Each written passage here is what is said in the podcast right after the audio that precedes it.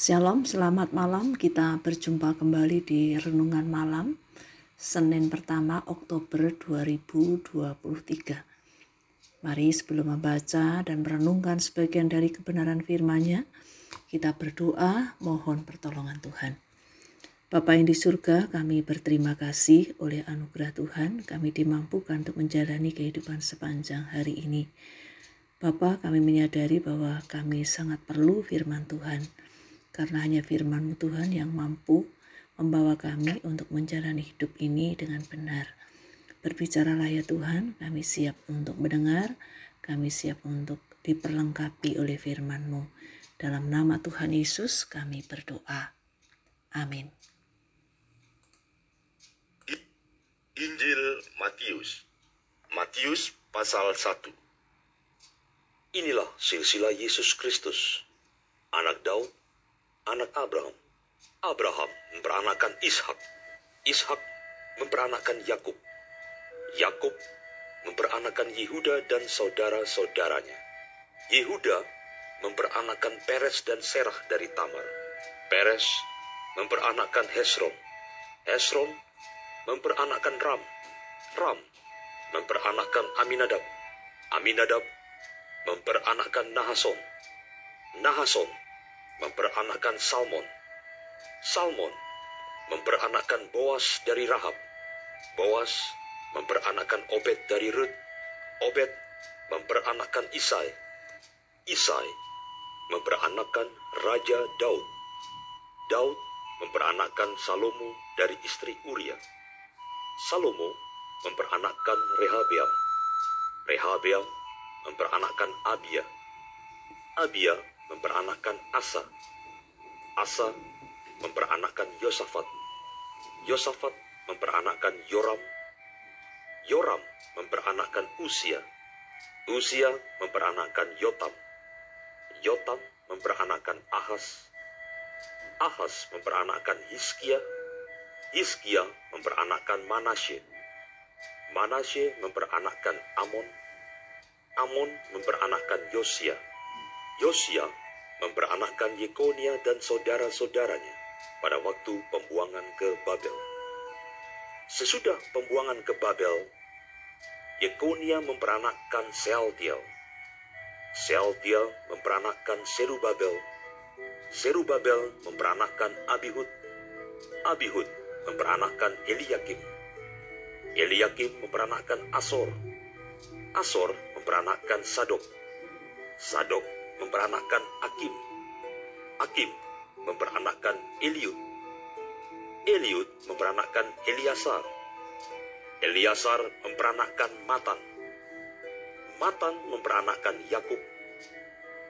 Yakub memperanakan Yusuf suami Maria yang melahirkan Yesus yang disebut Kristus.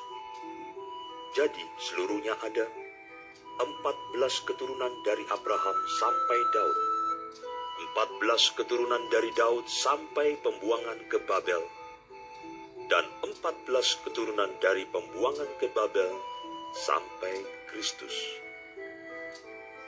Kelahiran Yesus Kristus adalah seperti berikut.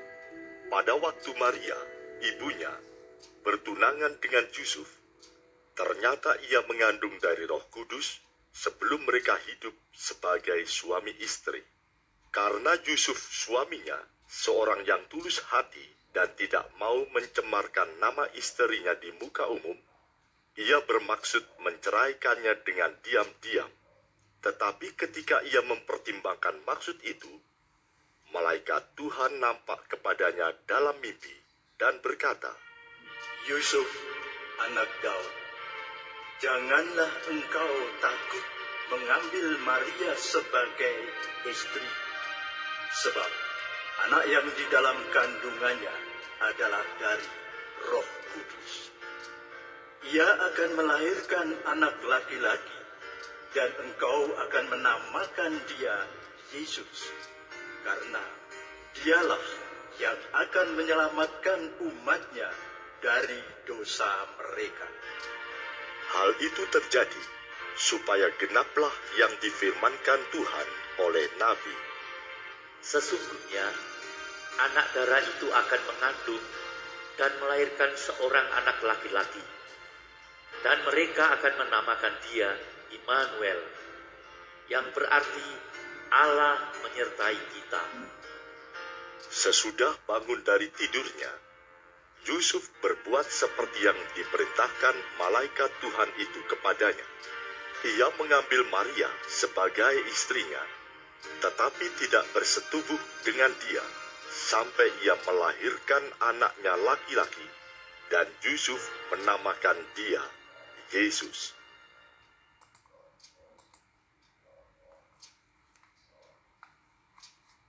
Matius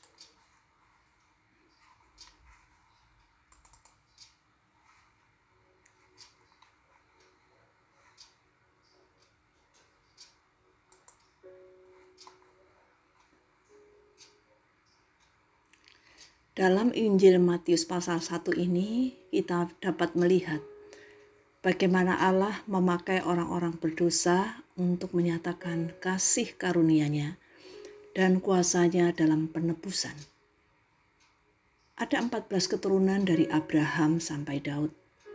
14 keturunan dari Daud sampai pembuangan di Babil dan 14 keturunan dari pembuangan sampai Kristus. Hal ini menunjukkan bagaimana pemeliharaan Allah atas umatnya itu sungguh nyata. Ada tiga kebenaran yang dapat kita pahami melalui kitab Mas Matius pasal 1 ini. Yang pertama, sering kali kita tergoda untuk membaca sekilas kronologi yang panjang di dalam Alkitab. Hal ini akan menolong kita untuk melihat bahwa kedatangan Kristus telah dinubuatkan di dalam kita perjanjian lama. Ketika kita membaca tentang kisah Abraham, Boas, Daud, Salomo, dan sebagainya, kita melihat bahwa masa bayang-bayang telah berakhir. Sang Juru Selamat telah datang. Oleh karena itu, marilah kita bersyukur nubuat atas nubuat yang telah digenapi. Marilah kita juga renungkan bagaimana nubuat itu telah menguatkan iman saudara dan saya. Yang kedua, karya penyelamatan Yesus berada di bagian paling depan dalam kitab Injil.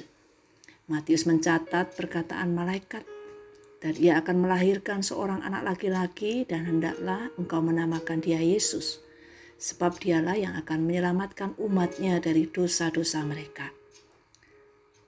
Orang-orang berdosa dari berbagai macam warna kulit, bahkan warna rambut dapat menemukan juru selamat yang memenuhi syarat dalam kehidupan dan ketetapan yang Allah berikan kepada manusia. Kehidupannya yang tidak bercela dalam ketaatan dan penebusannya atas dosa membawa keselamatan. Hal ini mengingatkan bahwa setiap orang yang percaya pada Yesus menerima keselamatan. Yang ketiga, Immanuel, Allah beserta kita. Di dalam pribadi dan karya Yesus, Allah datang untuk tinggal bersama kita di antara umatnya. Dia melakukan hal ini secara nyata selama hidupnya. Ia pun juga berjanji untuk menyertai umatnya selama-lamanya. Mari kita berdoa. Bapa yang di surga, kami berterima kasih untuk penggenapan janji Allah bagi kami orang-orang percaya. Mampukan kami Tuhan untuk terus setia, percaya kepada Allah yang sudah datang ke dalam dunia ini. Bahkan kau berjanji akan menyertai kami. Kami menyadari jika sampai hari ini kami ada sebagaimana adanya. Itu pun karena bukti penyertaan Allah yang tidak pernah berubah dalam hidup kami. Terima kasih Bapa, kami bersyukur untuk kebenaran firman-Mu di dalam nama Tuhan Yesus. Kami berdoa. Amin. Bapak Ibu sekalian, selamat malam, selamat istirahat. Tuhan Yesus memberkati. Amin.